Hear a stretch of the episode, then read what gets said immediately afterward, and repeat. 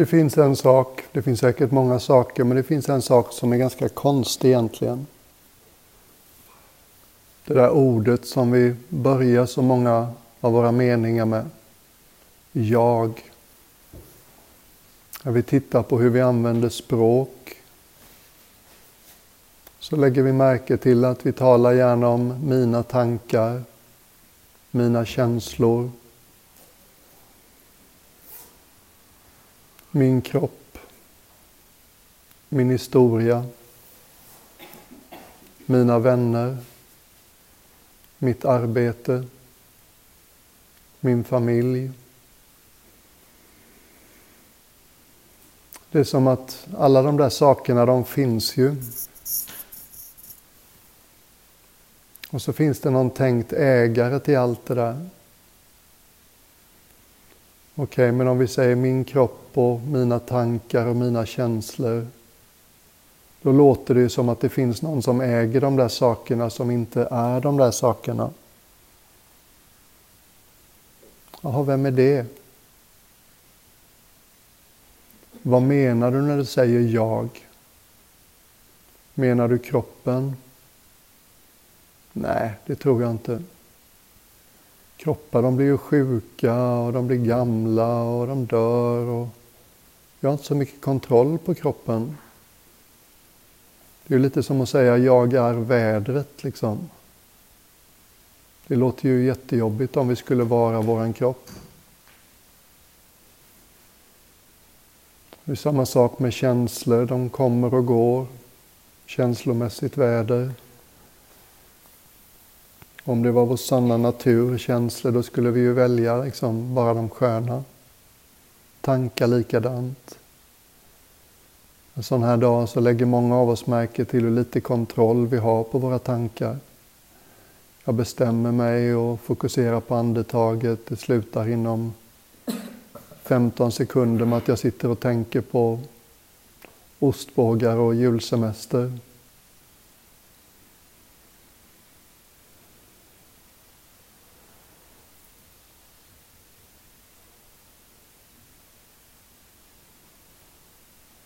Så buddhan var väldigt på det klara med det här. Han kallade det anatta. Underströk att det finns liksom ingen varaktig central jag-entitet. Det finns inget solitt och handfast man kan beskriva som ett jag.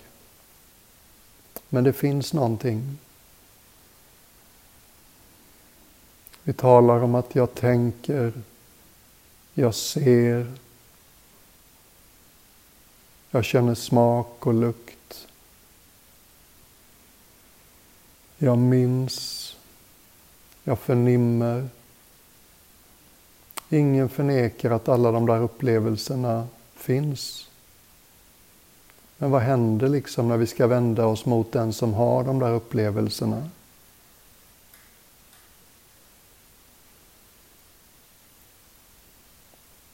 Eller den här omöjliga påståendet eller frågan som jag nämnde i förmiddags.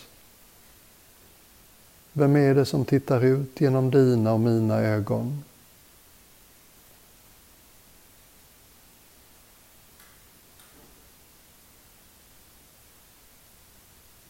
Finns det något handfast, varaktigt, påtagligt, värt att kalla ett jag? Då kanske du har invändningar och säger, ja, men jag har ju en historia. Jag har min familj. Jag har mitt CV. Jag har min personlighet.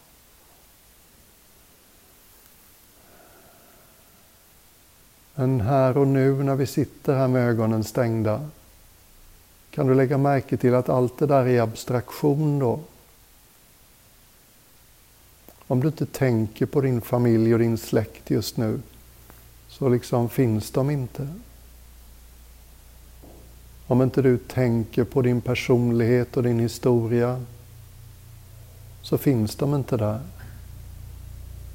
Jag förnekar inget av allt det där.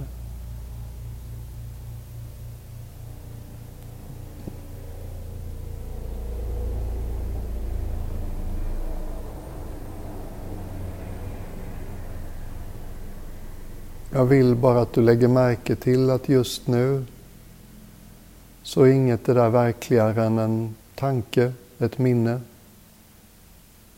Ålder. Jag är 57 år gammal enligt mitt pass. Jag kan inte hitta något mer substantiellt än en tanke kring 57 år just nu. Och vår sanna natur, liksom vårt centrum, det eller den vi egentligen är, det måste ju vara lite mer solitt än en tanke. Annars blir det ju jätteflyktigt.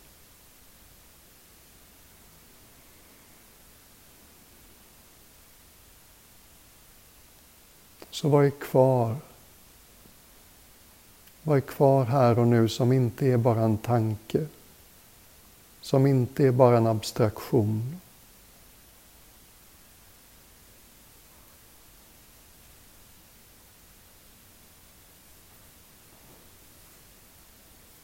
I de olika kontemplativa traditionerna i olika religioner så använder man sig av frågor Man kan liksom droppa en fråga in i den relativa stillheten som vi har skapat tillsammans idag. Inte för att svara på den själv. Inte för att låta intellektet tugga på och vända på och vrida på den. Utan vi liksom, vi bara släpper frågan inombords som man skulle släppa en sten i en djup brunn. Och sen är vi jättenärvarande en stund. Verkligen lyssnar, är tillgängliga, alldeles vakna.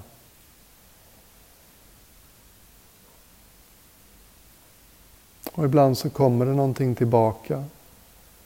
Inget som du eller jag formulerar så lek om du vill med den här idén. Vad händer om du droppar frågan Vem är jag? Droppa den in i lugnet, i stillheten inombords. Formulera inget svar. Bara lyssna. Var tillgänglig. Kommer det något tillbaks kanske? Vem är jag?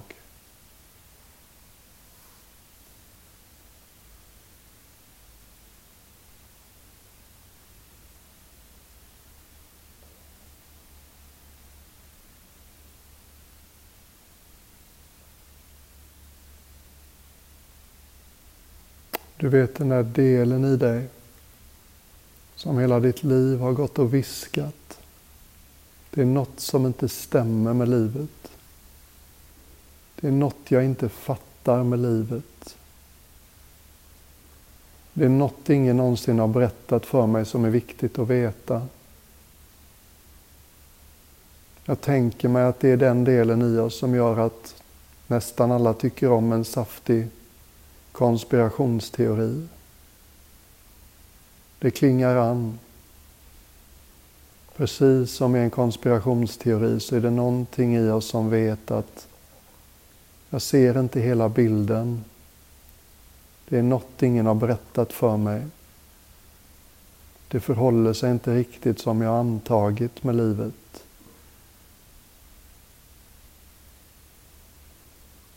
Det stämmer. Vi har antagit oss att vara en begränsad personlighet. Sen vi var små så har vi blivit liksom präglade och betingade.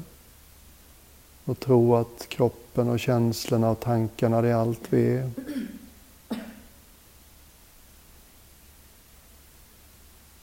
Och egentligen är vi något mycket, mycket större.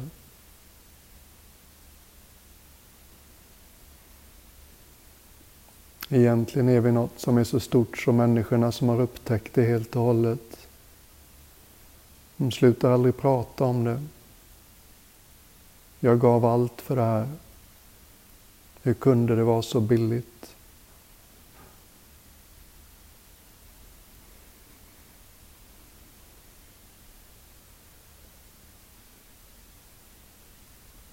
Hinduerna har ett så fint sätt att tala om det.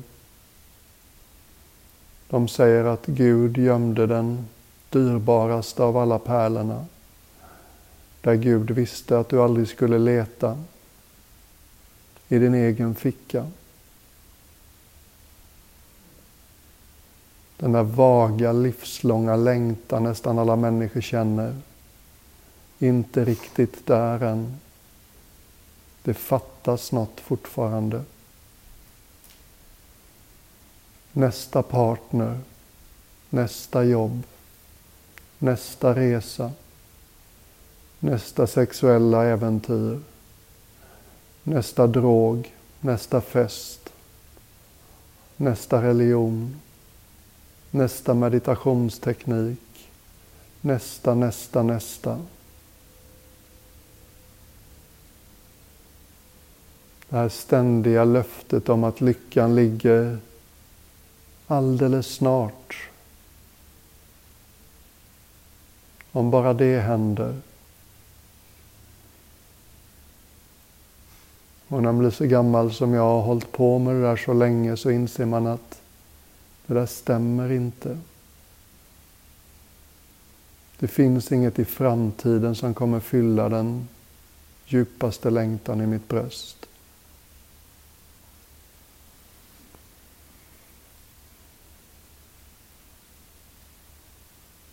Det enda som kan fylla den djupaste längtan, det har funnits med mig hela tiden. Det är bara det att det ligger i den ovanliga riktningen. Det är liksom gömt i min egen ficka. Det är den som tittar ut genom mina ögon.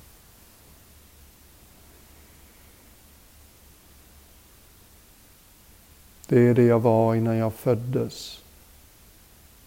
Det är det som fortsätter när kroppen dör. Det är det som alltid har funnits.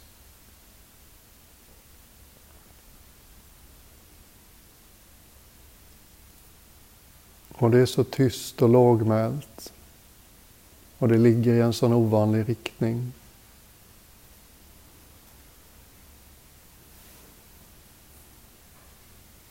Så historiskt har människan tenderat att tänkt sig något externt istället.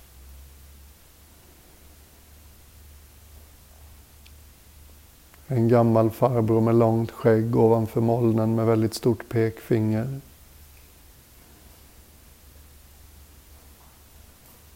Men det är klart att det inte är något sånt.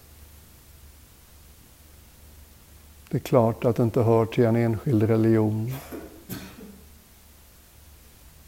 Det är klart att alla religioner pekar mot samma underliggande verklighet.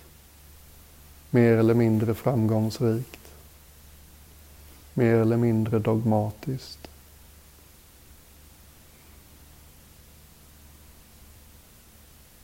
Det här behöver ingen religion. Människor hittar det här utan religion. De hittar det med religion. Man behöver inte vara intellektuellt sofistikerad för att hitta det här. Sjuåriga barn blev regelbundet fullt upplysta på buddhans tid. Tro inte att det är någonting som övergår ditt förstånd för att du liksom inte är tillräckligt smart. Det kan nästan vara en nackdel att vara smart i de här sammanhangen.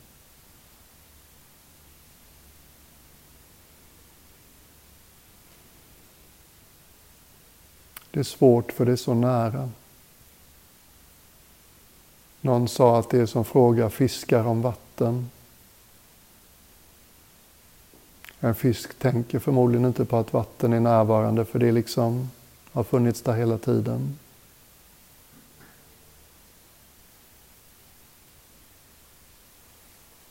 Någon beskrev det som att vi är vattendroppar som har glömt att vi är en del av det stora havet.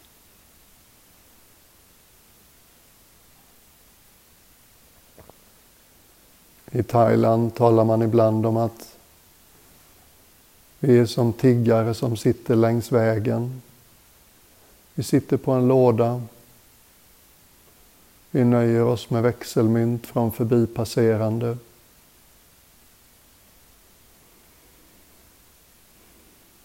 Vad vi inte vet är att lådan vi sitter på innehåller rikedomar bortom våra vildaste drömmar.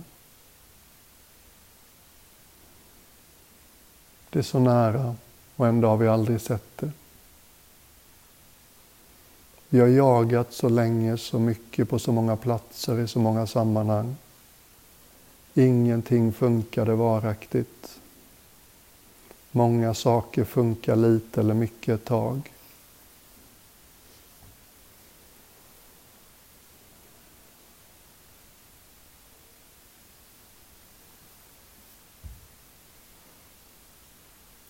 Vad är närmare än dina tankar?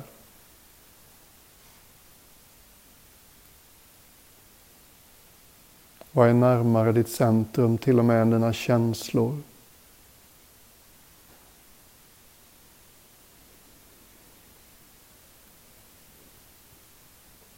Vad är närmare till och med än andetaget?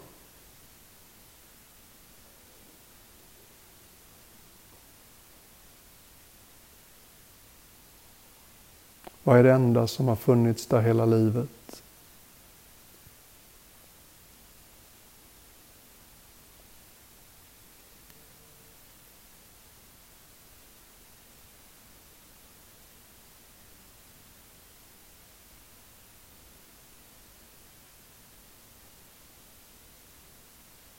Vad är det som kanske ibland har viskat lite lågmält i ditt öra? Kom hem. Kom hem. Jag har väntat på dig hela livet. När ska du sluta springa? När ska du hitta tilliten och luta dig tillbaks istället? Ta ditt verkliga hem i besittning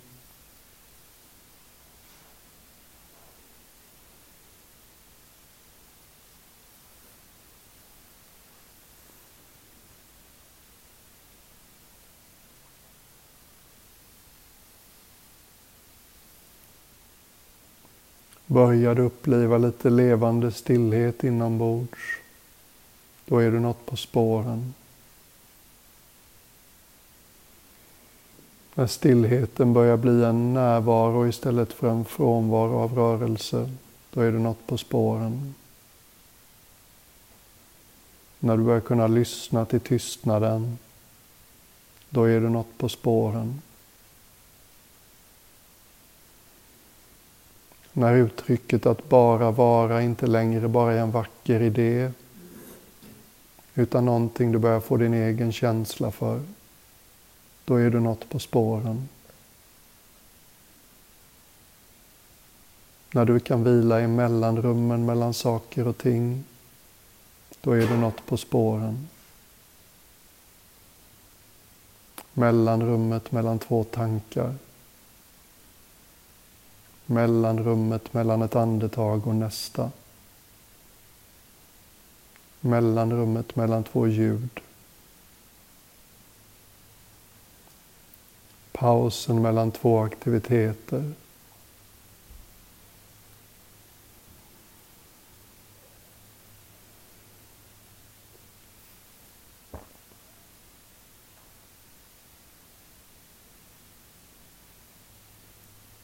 Jag tycker om att läsa om uppvaknade personers tolkningar av Bibeln för då börjar den bli förståelig för mig.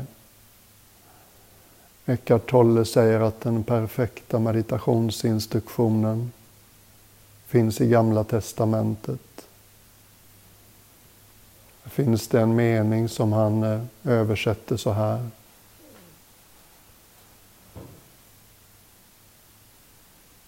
Var still och vet. Jag är.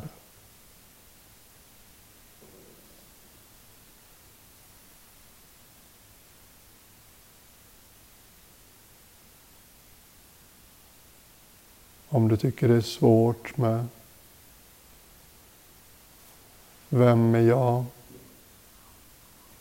Så kanske det känns lättare för dig att bara vila i känslan av jag är.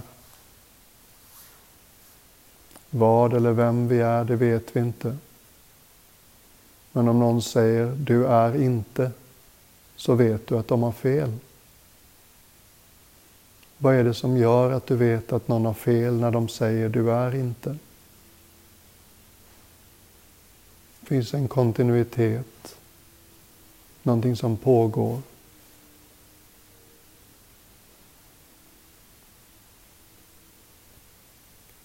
Kan du luta dig tillbaks i det? Var still och vet. Jag är.